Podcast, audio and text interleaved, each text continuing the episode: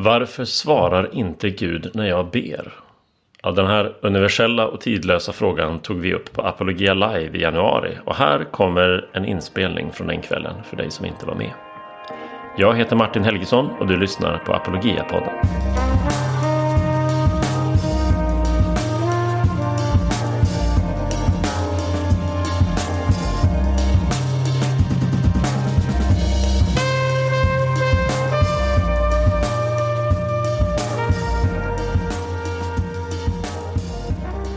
Här kommer alltså en inspelning från Apologia Live den 12 januari där Stefan Gustafsson tog upp frågan Varför svarar inte Gud när jag ber? En fråga som alla kristna förr eller senare kommer att ställas inför och ställa sig själva. Och den här inspelningen släpper vi lagom till att februaris Apologia Live börjar närma sig med stormsteg. Så när avsnittet släpps är det två dagar kvar till den 23 februari torsdag den 23 februari. Då är det Apologia Live med Tommy Wasserman, lärare i Nya Testamentet på ALT i Örebro som kommer att tala om ifall Bibelns texter har förvanskats. Med andra ord, när vi nu inte har kvar originalmanuskripten av Nya Testamentets evangelier, hur pass säkra kan vi vara på att det vi faktiskt läser i våra biblar är vad som ursprungligen skrevs? Det kommer alltså handla om det som kallas för textkritik. Hur man studerar manuskript för att komma fram till vad som ligger närmast den ursprungliga eh, handskriften. Så var med oss torsdag den 23 februari på Apologia Live och Apologia Live är då tillbaka på Zoom. Så du behöver anmäla dig och länk till det hittar du i avsnittsbeskrivningen här inunder. Här kommer då Stefan Gustafsson med frågan Varför svarar inte Gud när jag ber? Det är ju ett, ehm, ett väldigt viktigt och stort ämne som eh, vi ska ta upp. Ett ämne som har ganska många dimensioner. Man kan ju närma sig det här som ett, eh, ett väldigt teoretiskt ämne. Eh, och, men som då också blir lite distanserat från ens eget liv. Men det kan ju också vara ett väldigt, väldigt personligt ämne. Där man man kommer med en ganska sårad erfarenhet därför att man har bett inte bara kring, ehm, eh, kring något eh, vad ska man säga, något eh, mer vardagligt, alldagligt, en, en aspekt av livet som, som, som finns där hela tiden, utan eh, man tänker på en mycket konkret situation eh, där väldigt mycket har stått på spel. En nära vän, någon nära anhörig, sjukdom, död eh, och eh, eh där bönen har varit eh, absolut existentiell Eh, Eh, och med så stora konsekvenser. Eh, och så har Gud inte svarat på ens bön. Eh, och, och, det är förstås en, en helt annan situation. Så jag är medveten om att den här frågan är, kan man komma, man kan liksom komma till den från olika håll och eh, den skulle behöva ges lite olika respons. Eh, en, del, en del av de mer själavårdsmässiga sidorna är ju svårt att adressera så här via en skärm. Vi är liksom distanserade från varandra eh, eh, utifrån den här situationen. Eh, att vi har en, eh, en, eh, en kväll eh, online och möts inte på eh, fysiskt så att säga. Så det kommer ju att prägla lite vad som är möjligt för mig att ta upp. Jag ser fram emot kommentarer och frågor efteråt. Så kan vi brottas med de här frågeställningarna tillsammans. Både i Bibeln och i den kristna erfarenheten så finns det ju en dubbel erfarenhet. Anledningen att vi som kristna ber, det finns ju flera anledningar. Vi gör det därför att det finns en inbjudan, vi gör det därför att det finns en, eh, ett löfte och vi gör det därför att det finns en väldigt positiv erfarenhet. Man kan läsa i Saltaren Psalm 40. Länge väntade jag på Herren och han böjde sig ner till mig och hörde mitt rop. Han lyfte upp mig. Alltså en erfarenhet av att Gud hör och Gud svarar och ger respons på min bön. Eller psalm 120. Till Herren ropade jag i min nöd och han svarade mig. Många psalmer i Saltaren är ju lovsalmer, tacksamhetssalmer där psalmisten berättar om en svår situation, hur man har ropat till Herren och nu glädjer man sig därför att Herren har svarat.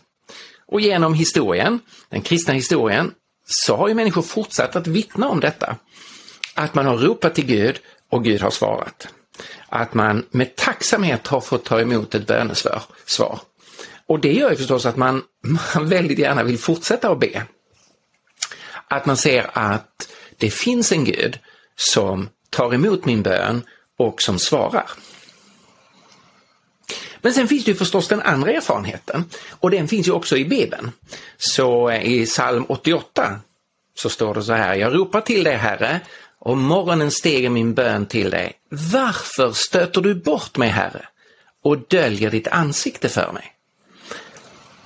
Den person som har skrivit den här salmen har ju då gjort den andra erfarenheten. Man ropar till Herren. Ens bön stiger upp inför Herren. Men det är som om den bara studsar tillbaka och som Herren inte tar emot bönen eller åtminstone inte svarar på den. Upplevelsen är att Herren döljer sitt ansikte, vänder bort sitt ansikte. Och, och vi kan ju tänka på om vi eh, vill vi tilltalar en person och den personen vänder bort sitt ansikte, alltså det man vill säga och man själv som person tas inte emot. Det här är ju den andra sidan. Och det är ju liksom den sidan som ligger bakom Eh, kvällens eh, frågeställning. Så här finns en dubbel erfarenhet och den här kan vi se på många ställen i, eh, i, eh, eh, i Bibeln. Finner det intressant att i Apostlagärningarna 12, den unga tidiga kyrkan, så berättas det om framgångar för evangeliet. Man förkunnar budskapet om Jesus och uppståndelsen och människor kommer till tro och församlingen växer och det är ju härlig framgångstid. Och så står det så här i kapitel 12 om eh, Jakob Sebedaios son, Johannes bror alltså, och Petrus. Vid, vid, den tiden ingrep kung Herodes hårdhänt mot en del av medlemmarna i församlingen. Så det är inte bara framgång utan också motstånd från eh, myndigheten. Herodes lät halshugga Jakob, Johannes bror. Och när han såg att judarna gillade detta fortsatte han och lät också gripa Petrus. Och Petrus hålls fängslad. Och i församlingen bad man ivrigt till Gud för honom. Det står ingenting här hur församlingen reagerade när Jakob togs till fånga och sen halshöggs. Men jag utgår från att församlingen faktiskt bad för Jakob också. Men där ingrep inte Gud utan det onda fick liksom rulla på och Jakob blev halshuggen. Medan Petrus, när han fängslas, så ber församlingen och då ingriper Gud övernaturligt. Plötsligt står det en ängel i fängelset och Petrus som är fängslad med kedjor, han kan då bara resa sig upp och kedjorna faller av hans händer. Han kan gå ut i det fria och han kan fortsätta förkunna evangeliet. Här ser det ut att vara två fullständigt olika responser på vad som händer med den kristne. Och det är ju det här som vi, eh, vi ska brottas med i, ikväll det faktum att både i Bibeln och i den mänskliga erfarenheten så finns båda sidorna. Att Gud svarar väldigt konkret och synligt så vi, vi förstår och kan ta emot ett bönesvar. Och då den andra sidan att till synes finns det inget svar. Det vi ber om sker inte, det händer inte. Om man, om man ska börja tänka på det så så behöver man eh, fundera, inte bara på den här eh, själva krocken mellan, eh, mellan det som är liksom löften från Gud om att höra och sen vår upplevelse, vår erfarenhet av att det där, han verkar inte höra, i alla fall verkar han inte svara alltid. Men man behöver backa lite och reflektera över vad är bön för någonting? Vem är jag som ber? Och vem är det jag ber till? Så Låt mig börja med att säga någonting, liksom vidga den här, eh, den här bilden. Så vad är bön för någonting? Kan ju te sig självklart. Men ändå, låt oss eh, försöka ringa in vad bön är för någonting. Och då vill jag börja i, i det, eh, det negativa, alltså i vad bön inte är. Jag tror en, En del kan tänka om bön att det motsvarar vad vi tänker kring terapi. Alltså att du för samtal med en annan person Och det är som ett sätt att förstå dig själv bättre, att försöka formulera din känsla, att försöka ringa in vad det är som pågår i ditt liv. Och då kan man ju behöva ett bollplank för att komma till djupare självinsikt. Och det är förstås som en, en aspekt också av en, av en kommunikation med Gud, men, men i grunden går det inte att förstå bön som, eh, som terapi. Det är liksom inte bönens essens. Även om det skulle kunna ha den, den effekten hos mig att det kommer till en djupare självinsikt. Inte heller ska man tänka om bön som magi. Det är ju väldigt vanligt i eh, människans historia att vi människor vi för in ett magiskt tänkande. Alltså om jag gör så eller så, då kan jag förlösa någonting, då kommer någonting att ske. Väldigt mycket av den religiösa världen i människans historia har ju den här magiska dimensionen. Att du ska göra så här, om du gör det där tre gånger, om du utför den handlingen, om du gör så och så med din kropp. Eh, om du använder den här och den här amuletten, om du säger just de här orden, så kan man på, liksom förlösa någonting. Men eh, det är inte vad bön handlar om. Eh, det är inte en sorts andlig teknik för att frigöra en, eh, en magisk verklighet, en, en, en andlig verklighet. Man kan tänka att bön är mystik. Och, och, det är klart att det finns saker som, det finns dimensioner här bortom det som är omedelbart åtkomligt för våra sinnen. Här är saker som övergår vårt, vårt förstånd. Men men väldigt mycket i, i mystiken så handlar det ju om att man, man blir försatt i trans eller man kopplar bort förståndet, att det går vid sidan om eh, vår, vår vanliga eh, förståelse. Men det är inte själva grunden när det gäller kristen bön. Kristen bön är ju formulerad med i det mänskliga språket, med alldeles vanliga ord och är kommunikation på motsvarande sätt som jag försöker kommunicera nu med ord och språk och tankar. Tänk på hur Jesus lärde sina lärjungar att be. Det är ju till sin form en alldeles vanlig kommunikation med ett intellektuellt kognitivt innehåll. Så, jag tror inte man ska tänka om bön i i termer av terapi, magi, mystik, utan man ska tänka eh, bön i termer av kommunikation. Och ur, ur kristen synpunkt så är bön den mest naturliga formen av kommunikation med en annan person. Inte med en annan människa.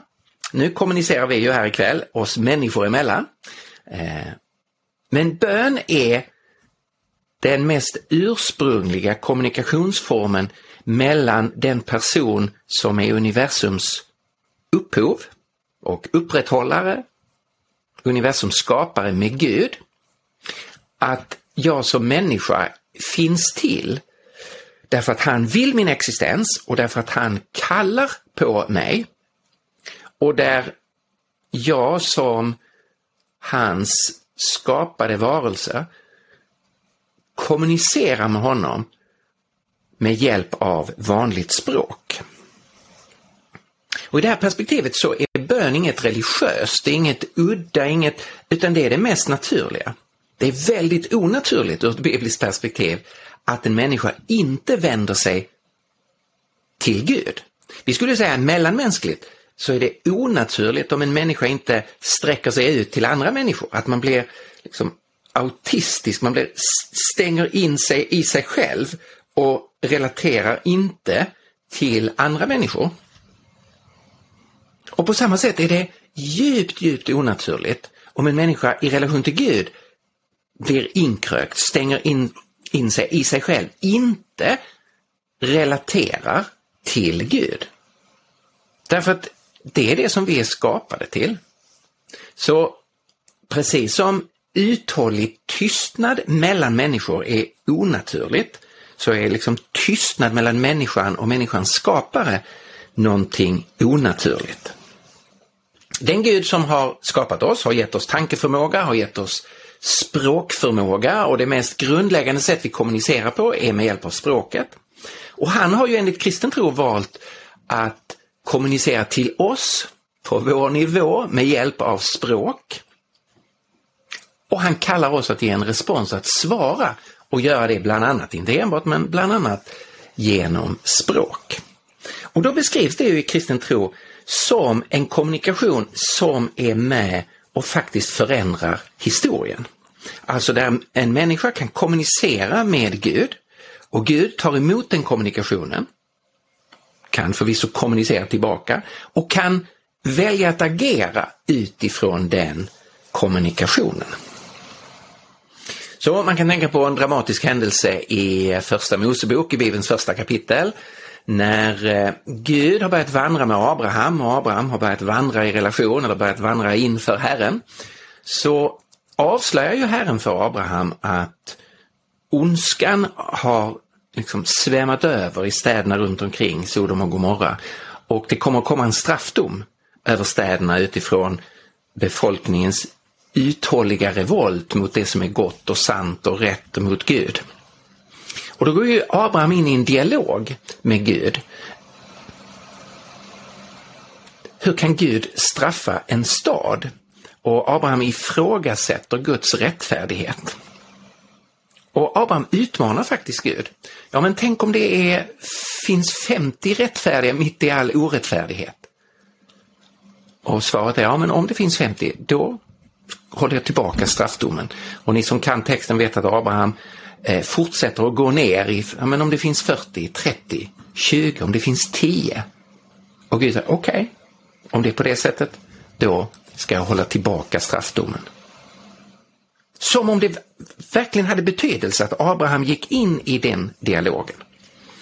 Man kan tänka på en, en, eh, en annan text från profeten Jesaja som berättar om eh, kung Hiskia som blir sjuk. Ni kan läsa om det här i Jesaja 38. Han blir sjuk, han blir eh, dödligt sjuk. Eh, och då ropar han till Herren. Och Herren ger honom som svar en förlängd livstid. Eh, han, Herren lägger 15 år till Hiskias livstid utifrån det bönesamtalet. Så det här presenteras i Bibeln som någonting som faktiskt förändrar den verkliga historien. Alltså att det gör skillnad om man har bett eller inte. Det är inte bara någonting internt inuti mig, eh, att det gör skillnad för mig terapeutiskt, att jag har formulerat min känsla, min önskan, mitt hopp och så. Utan att det faktiskt har betydelse för hur den fortsatta historien kommer att se ut. Och både Gamla och Nya Testamentet är ju, har ju mängder med löften om att Gud ska höra. När jag växte upp så sa man ofta så här att eh, himlens telefonnummer det är 5015. Och det var en referens till eh, psalm 5015. Ropa till mig på nödens dag, så ska jag rädda dig och du ska ära mig.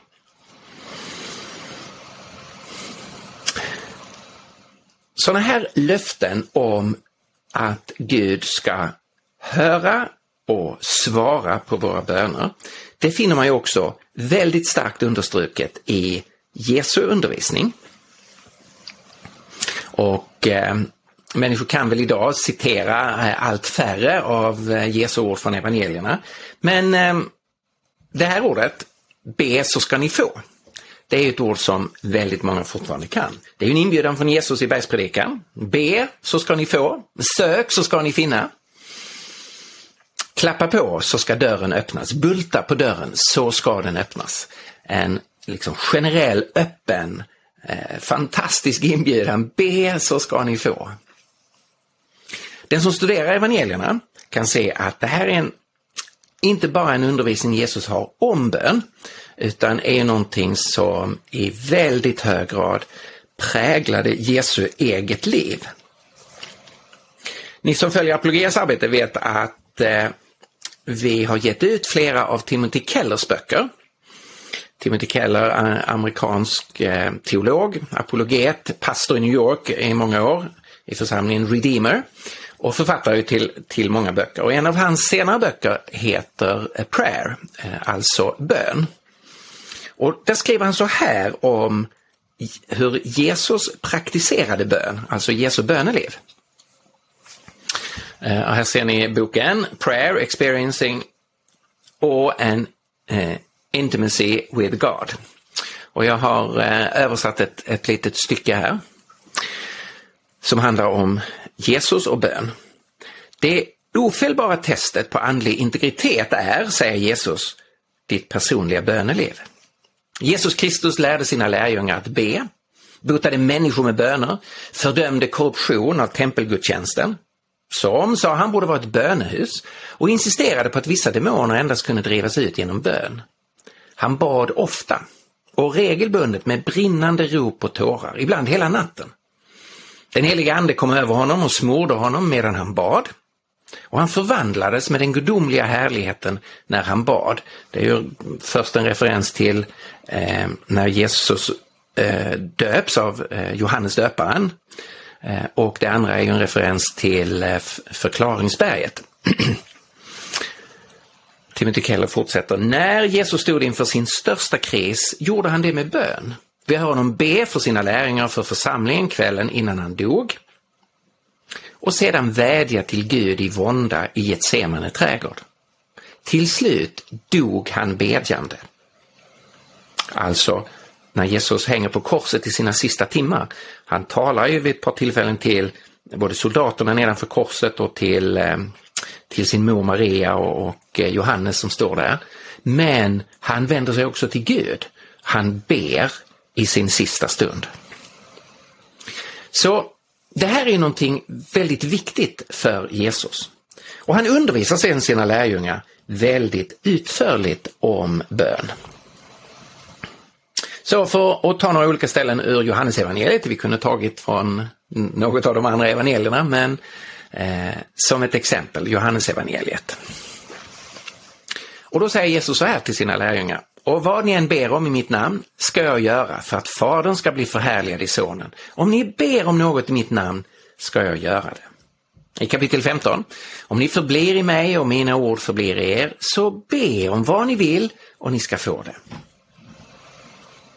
Och i kapitel 16. Vad ni ber Fadern om i mitt namn, det ska han ge er. Så det är ju väldigt eh, starka och kategoriska löften om bönhörelse.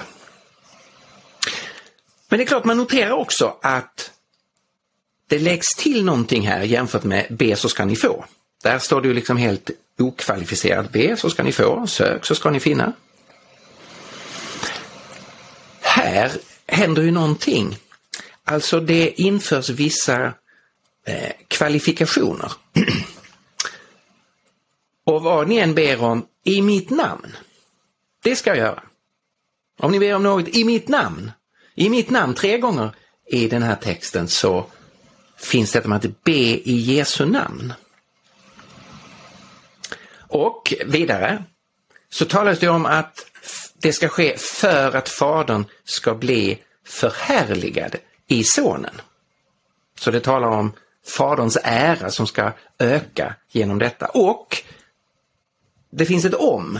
Om ni förblir i mig och mina ord förblir i er, så be om vad ni vill. Och det här, det här hjälper oss att, att sätta oss lite grann på spåren. Löftena, om man tar liksom Bibeln som helhet, de har ju liksom vissa kvalifikationer. Vi är inbjudna att be i Jesu namn. Och det är ju inte bara att, det är inte en magisk formel att man ska uttala bokstäverna J, E, S, U, S. Som om det då skulle vara eh, liksom kodordet så öppnar sig det hela. Utan namnet står ju för personen. Och det här handlar ju om att be i gemenskap med Jesus, i samklang med Jesus. Eh, det handlar om, om bön som innebär att Fadern blir förhärligad. Och det är inte svårt att tänka ut en bön som inte skulle förhärliga Fadern, en självisk bön, en bön om att det onda ska ske och så vidare.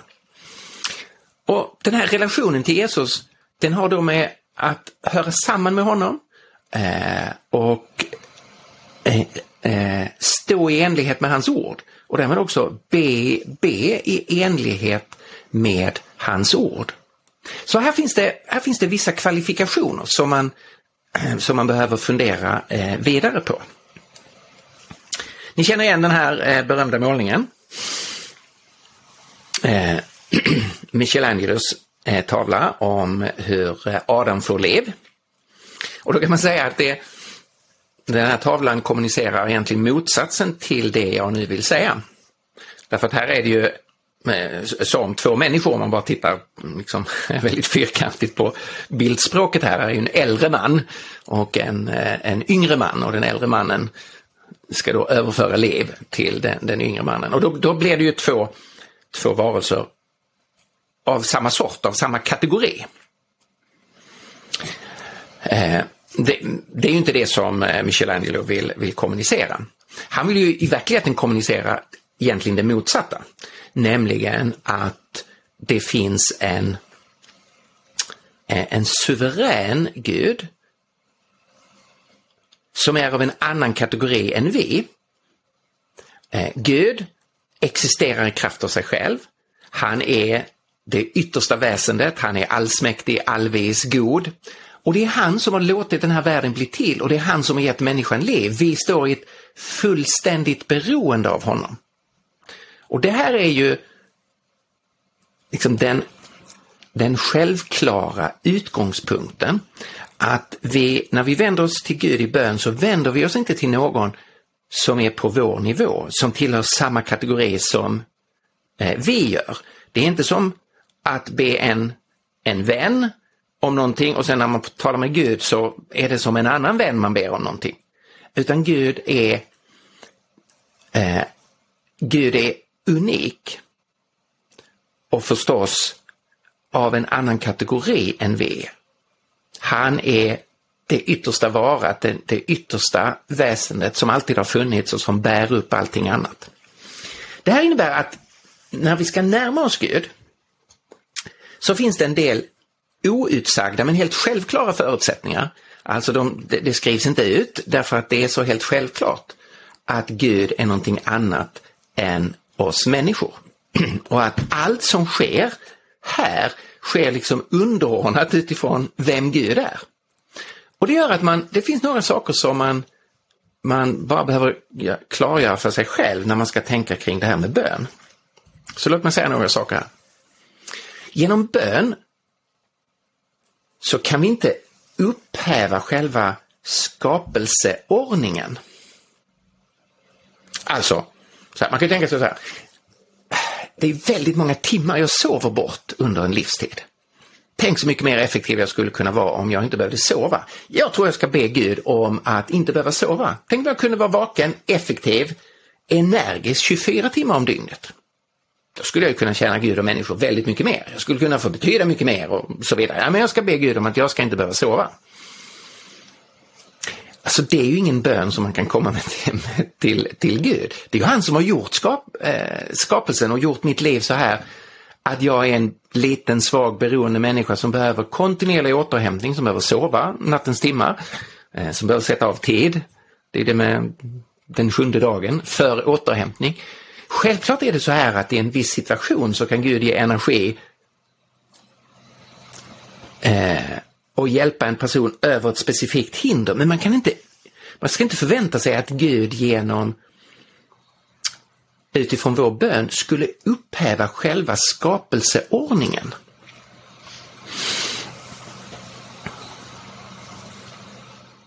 Så här behöver man liksom bejaka, vad är det för slags värld som Gud har skapat? Som kristna är vi också övertygade om att genom människans uppror så, så lever vi nu i en um, fallen värld. En värld som, där saker och ting inte på alla plan är så som de var från början. Syndafallet har fått konsekvenser. Och många av de konsekvenserna ska vi förstås försöka motarbeta och, och se om vi kan mildra dem. Men man kan inte förvänta sig att vi genom bön ska kunna eller att Gud som svar på vår bön skulle upphäva alla fallets konsekvenser. Till exempel kan man tänka så här, ja, men döden för människan har ju kommit genom syndafallet. Ja, men då ska jag be att jag aldrig behöver dö. Fast den bönen kommer Gud inte att svara på. Utan det är så här nu att förr eller senare så kommer människan att dö. Förutom den sista generationen som lever när Jesus kommer tillbaka. Där de som tillhör honom kommer att förvandlas.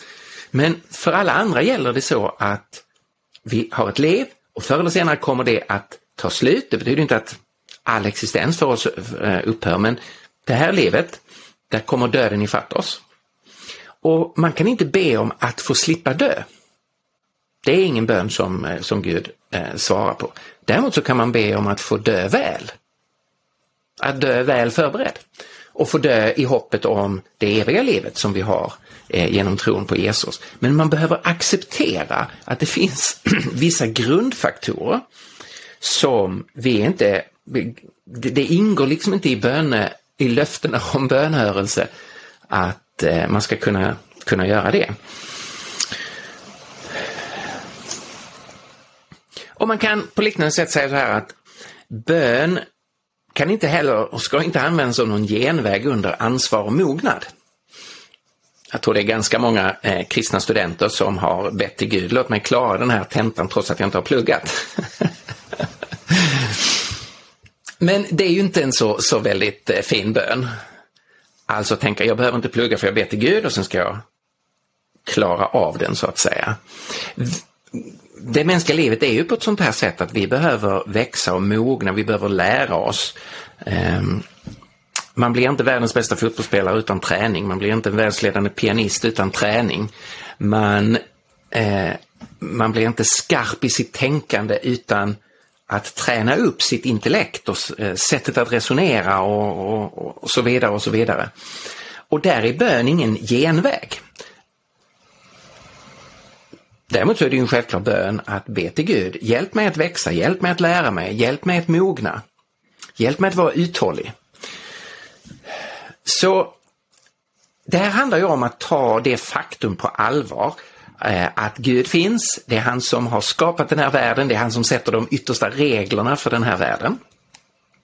Och eftersom Gud är Gud så handlar, kan ju bön inte göra Gud till vår betjänt det hade ju varit väldigt, eh, för vår själviska natur, varit väldigt bekvämt att ha en allsmäktig betjänt. Det skulle vi väl alla kunna föreställa oss. Men det, eh, populärkulturen har ju visat det på ett, ett väldigt bra sätt genom filmen Bruce den allsmäktige. Om någon av er inte skulle ha sett den så kan jag ju varmt rekommendera filmen Bruce den allsmäktige. Eh, där Bruce får överta Guds roll och tänka det här blir ju enkelt och sätta igång och svara på alla människors böner och eh, går in i rollen som en eh, godisautomat för, för människor. Och det är klart, det skapar ju bara ett enormt kaos.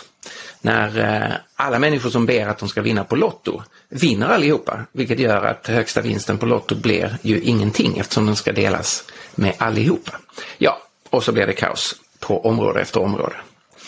Och det är en väldigt, väldigt fin parodisk beskrivning av vad som händer om Gud skulle gå in i rollen som den enskilda människans betjänt.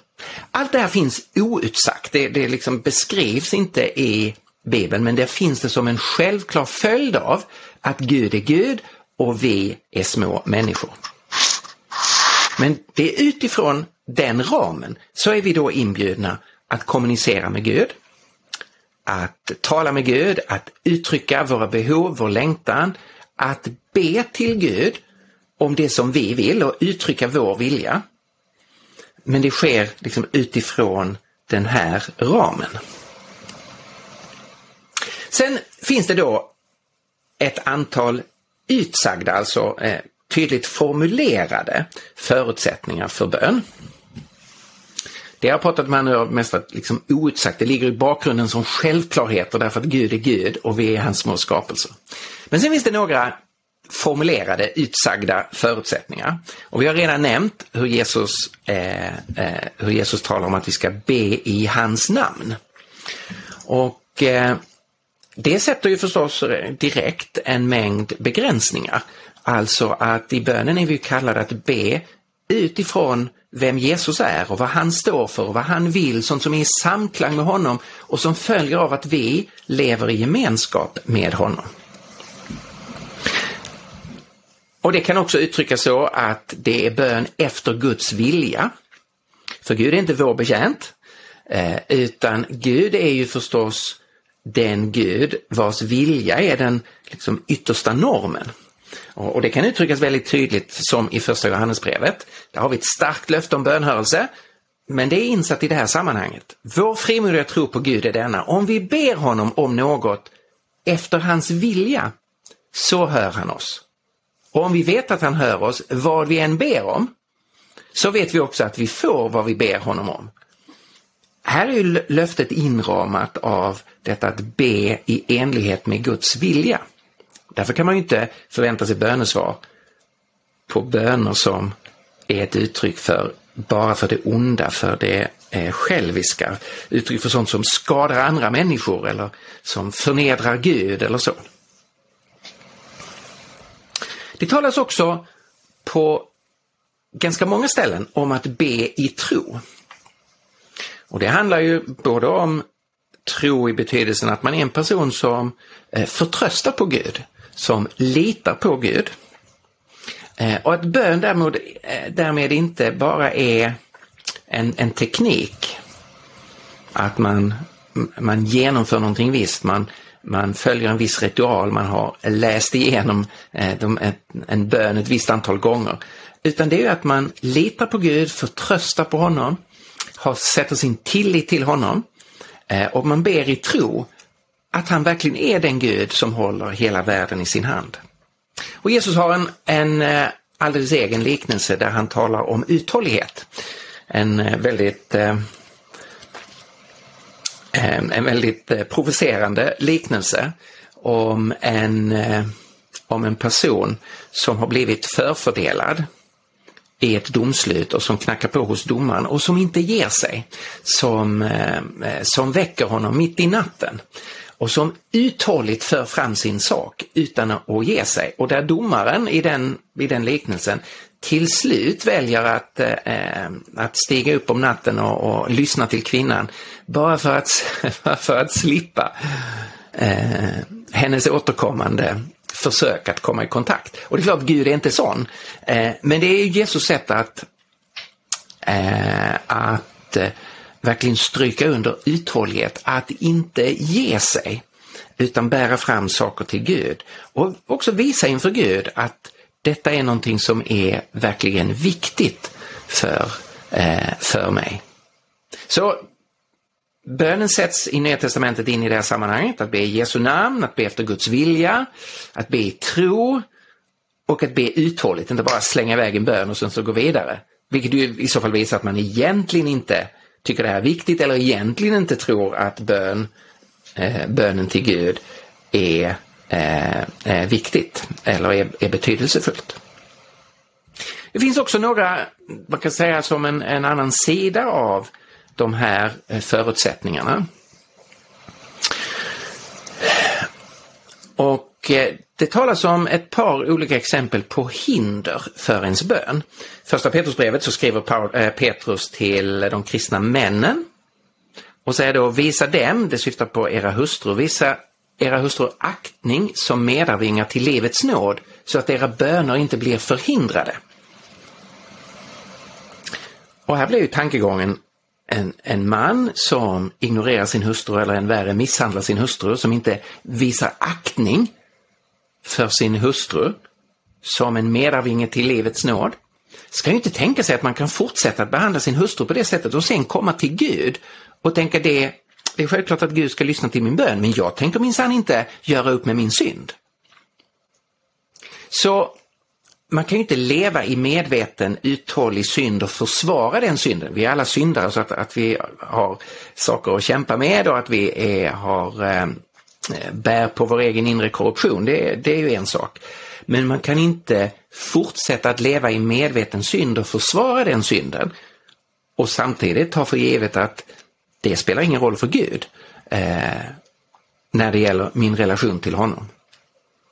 Så där behöver man ju faktiskt göra upp med den synden och i det här fallet börja visa sin hustru eh, respekt och aktning och omsorg och kärlek.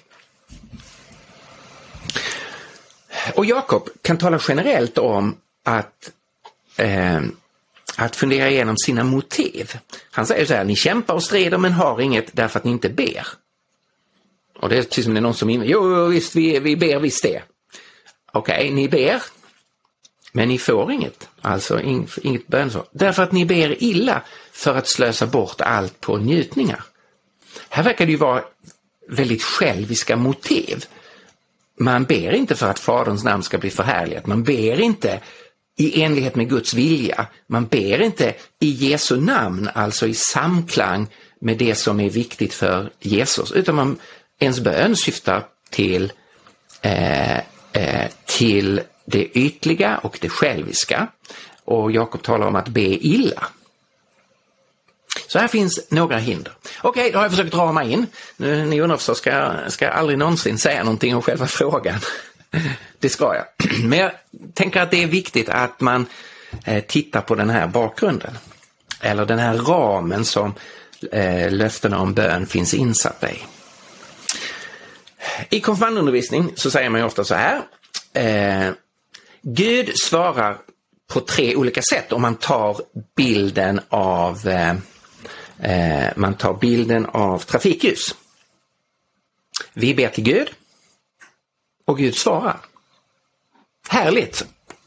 Och vi kan tacka Gud. Det blir grönt ljus så att säga på, på vår bön. Eller så kan Gud säga vänta. Inte nu, inte ännu. Men svaret kommer, man får vänta. Och det är väl många som har haft erfarenhet av, både att Gud, Gud har svarat och vi har kunnat tacka Gud, eller att man har levt i en frustration, varför svarar inte Gud? Och så bryter det igenom. Och man får det svaret som man har hoppats på och bett om, men det var en fördröjning. Eller säger Gud nej. Man ber om någonting, någonting som alltså, så vitt vi kan förstå verkligen är i enlighet med Guds vilja, verkligen är någonting gott, eh, som är helt i linje med allt man skulle tänka att Gud skulle vilja. Till exempel att en, en person som leder och är sjuk eh, att den personen skulle bli, eh, skulle bli frisk. Eh, men personen blir inte frisk.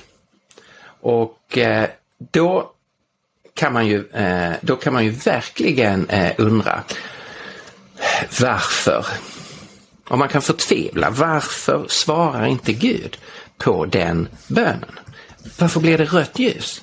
Det verkar som om verkligen Gud inte hör på en viktig bön som för allt vi vet är helt i enlighet med eh, hans vilja.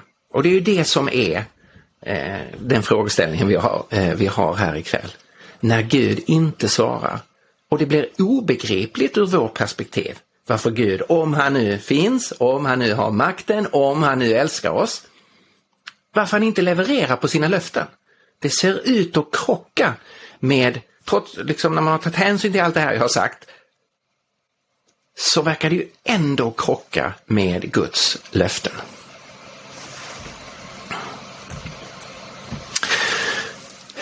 Här är det väsentligt för mig att säga först. Bibeln är ju väldigt ärlig på den här punkten. Den säger allt det här om bön som jag har försökt beskriva och mycket mer. Och sen låter ju Bibeln själv oss möta de obesvarade bönerna. Så här finns ju en ärlighet.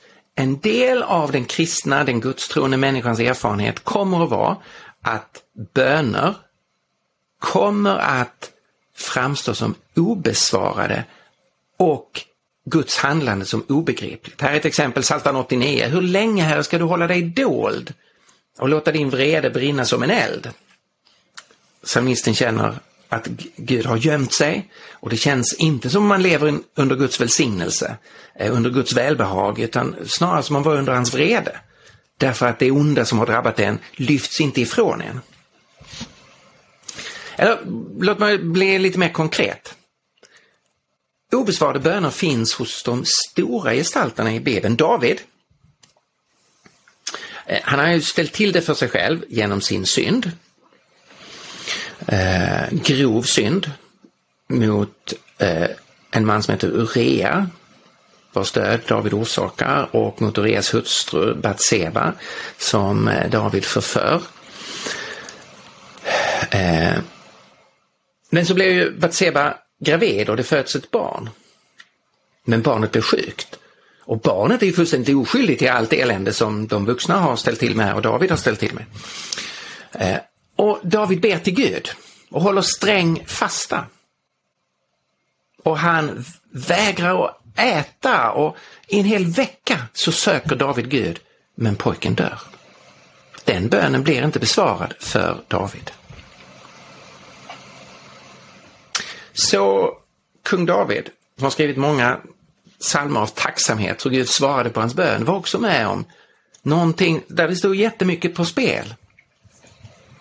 En liten pojke som blir sjuk och som dör. I Hebreerbrevet 11 så går ju författaren igenom trons hjältar i Gamla Testamentet och ger exempel på hur Gud grep in och hjälpte dem och svarade på deras bön. Och allt härligt som, som hände. Eh, Genom sin tro kunde de besegra kungariken, utöva rättfärdighet och få löftena uppfyllda. De kunde täppa till lejonens gap, släcka rasande eld och undkomma svärdets ägg. De var svaga men blev starka, fick kraft i striden och jagade främmande herrar på flykten. Kvinnor fick sina döda tillbaka uppståndna. Det är liksom en kategori. De mest underbara bönhörelser man kan tänka sig. Sen finns det en annan kategori. Andra av trons hjältar torterades till döds när de vägrade att låta sig befrias eftersom de ville nå en bättre uppståndelse. Andra fick känna på hån och prygel, ja också bojor och fängelse. De blev stenade och söndersågade, avrättade med svärd. De gick omkring i fårskinn och gethudar. De led brist, förföljdes och misshandlades. Världen förtjänade inte att hysa dem. Här är en annan grupp. Tror ni att de har bett? Ja, vi kan väl utgå från det. Men de har inte fått det, det svaret som den första gruppen fick. Och det här bara konstateras. Så här ser historien ut bland Guds folk. Paulus ger ett konkret exempel på hur han har bett. Han har fått en, något som han beskriver som en törntagg i köttet utan att förklara för oss exakt vad det var. Han uppfattar det som en satans ängel som slår honom i ansiktet och som håller honom tillbaka. Och han säger tre gånger bad jag att Herren skulle ta den ifrån mig. Och det tror jag inte bara att han har liksom, att det handlar om tre, tre korta böner som Paulus slänger iväg när han ändå är på väg till bussen, liksom så. Utan han har verkligen sökt Herren, uthålligt, vid tre tillfällen. Att Herren ska ta bort det här. Och då har Herren inte svarat genom att ta bort den, utan svaret har varit min nåd är det nog. Kraften fullkomnas i svaghet. Så att han har fått löftet om en kraft att bära det här. Så själva bönen att törntaggen i köttet, vad det nu än var, om det var en, en sjukdom, om det var nedsatt syn som är en, en möjlig eh, gissning, eller om det var någonting annat. Den törntaggen har Paulus fortsatt att leva med och det har gjort honom eh, mindre högmodig, det hade varit en frestelse för honom utifrån allt som Gud använder honom till och det har gjort honom mer beroende av Guds kraft. Till och med Jesus, i hans liv har vi ett exempel på obesvarad bön. I Getsemane trädgård så våndas ju Jesus inför det som väntar honom. Han förstår hur världens synd ska läggas på honom, hur han ska bära bort den som det Guds lamm som bär bort världens synd. Och han inser så att säga, något av tyngden av det. Och han våndas, han ängslas, han har ångest, han svettas ända till gränsen att han svettas blod. Och han ber till Fadern, Fader om du vill så ta denna kalk ifrån mig. Om det är möjligt att rädda mänskligheten på något annat sätt, låt oss ta den vägen. Och samtidigt säger han, men ske inte min vilja utan din. Om detta är den enda vägen så är jag villig att gå den. Och Fadern tar inte denna kalk ifrån honom eh, utan Jesus går korsets väg. Så den bönen om att den kalken skulle tas ifrån honom, den blir inte besvarad.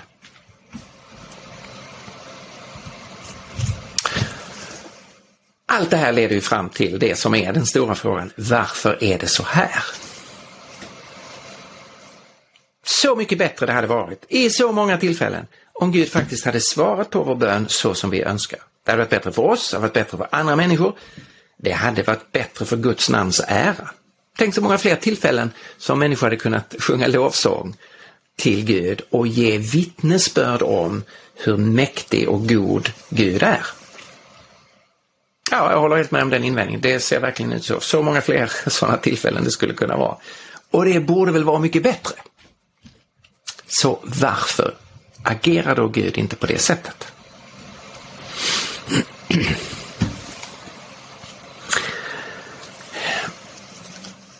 Jag tror man ska tänka så här.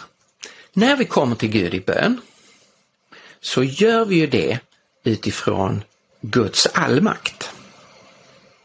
När vi söker Gud i något stort och viktigt så gör vi det utifrån övertygelsen men Gud har makten, Gud skulle kunna ändra det här, Gud skulle kunna gripa in.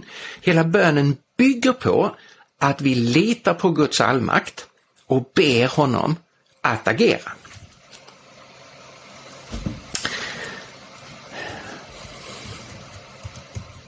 När han inte agerar som vi har bett och så som vi bedömer vore det solklart det bästa, så är det en kallelse för oss att lita på Guds allvishet.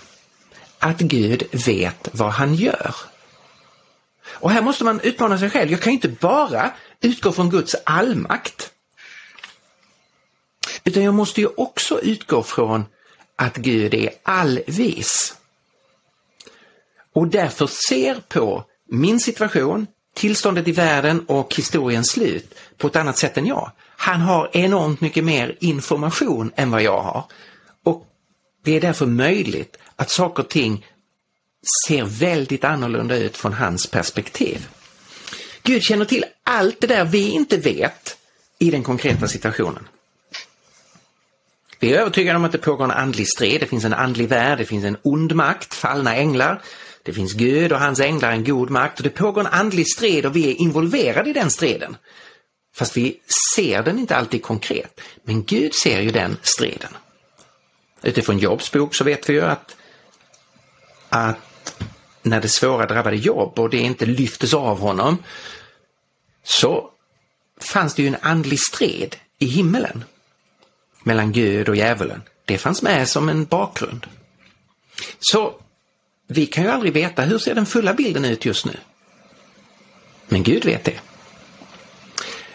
Vi känner inte till framtiden. Vår egen framtid, vad händer imorgon, vad händer nästa vecka, vad händer om tio år? Vi känner inte till mänsklighetens framtid. Vad får en handling idag för konsekvenser om fem år, om tio år om 500 år?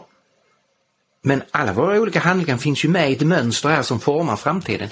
Gud vet vad olika handlingar får för konsekvenser och vad både vårt agerande och hans agerande, hur det kommer att påverka hur framtiden blir.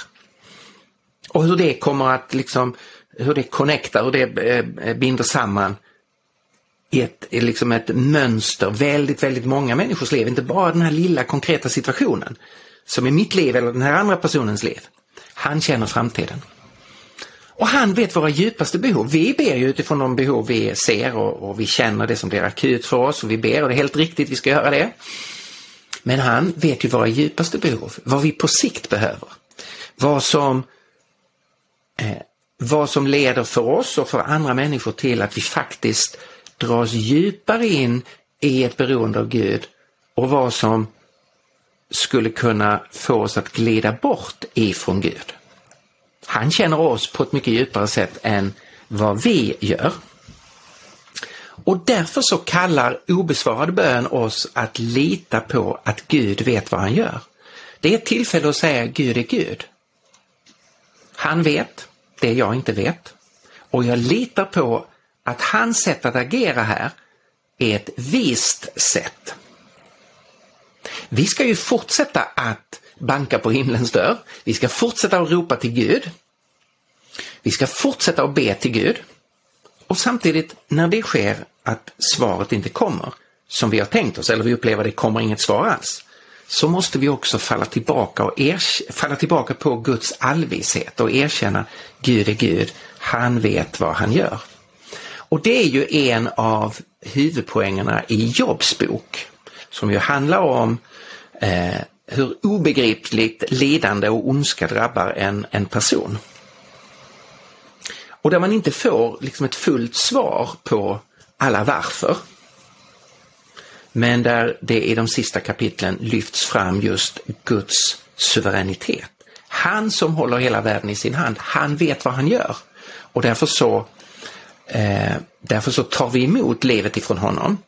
Eh, och också i det som vi inte förstår så vill vi fortsätta att tacka honom och ge honom äran eh, för att han är Gud. Och så får vi ju vänta på eh, att kanske så småningom när Herren kommer tillbaka att en del av det som har framstått obegripligt för oss ska, eh, ska falla på plats. Och då vill jag sluta med ett citat från ett citat av Timothy Keller. Och här, här har ni själva pastorn. Timothy Keller. Han har sagt så här på ett ställe. God will either give us what we ask or give us what we would have asked if we knew everything he knows. Alltså Gud kommer antingen att som svar på vår bön ge oss det vi har bett om eller ge oss det vi hade bett om om vi visste allt det som han redan vet. Gud kommer antingen att ge oss det som vi ber om eller kommer han att ge oss vad vi skulle ha bett om om vi visste det som Gud vet. Och det ger uttryck för, för den här tilliten eh, till Gud. Så Bibeln understryker att Gud hör när vi ber. Hans öron är inte tillslutna. Han hör, han ser oss. Gud svarar. Och om du har vandrat med Herren så hoppas jag att du har många exempel på hur Gud på olika sätt har svarat på din bön och du har kunnat tacka Gud och ge honom ära. Han svarar, ibland svarar han på ett annat sätt än vad vi eh, själva har tänkt oss som svar men, eh, men där vi fortfarande kan säga, att ah, men det där var nog ett svar från Gud. Och ibland så upplever vi inte att vi får ett svar. Men som kristna så håller vi fast vid, det finns ett svar från Guds sida här. Och oberoende av om Gud svarar så att vi konkret förstår det här är Guds svar, eller om vi uppfattar det som att, ja men ska jag vara ärlig så känns det verkligen inte som, som Gud har svarat. Så håller man som kristen fast vid övertygelsen att Gud har hört det finns ett svar någonstans på den här bönen och i den här processen så drar Gud mig till sig själv. Han drar mig närmre sig själv. Och där behöver man ju påminna sig om att ibland är ju inte det viktigaste att en konkret situation förändras. Det finns tillfällen när det är viktigare att man själv förändras trots att situationen är oförändrad. Och det är ju sånt som Gud vet väldigt väl. När det i längden är en välsignelse att situationen förändras. Eller när det i längden faktiskt är viktigare att det är jag som förändras. Så med det här så eh, ska vi öppna upp för, eh, för frågor och samtal. Jag slutar med ett ord från Psaltaren 37.5. Lägg ditt liv i Herrens hand, lita på honom. Han kommer att handla. Och så får man ta emot det handlande som Herren väljer.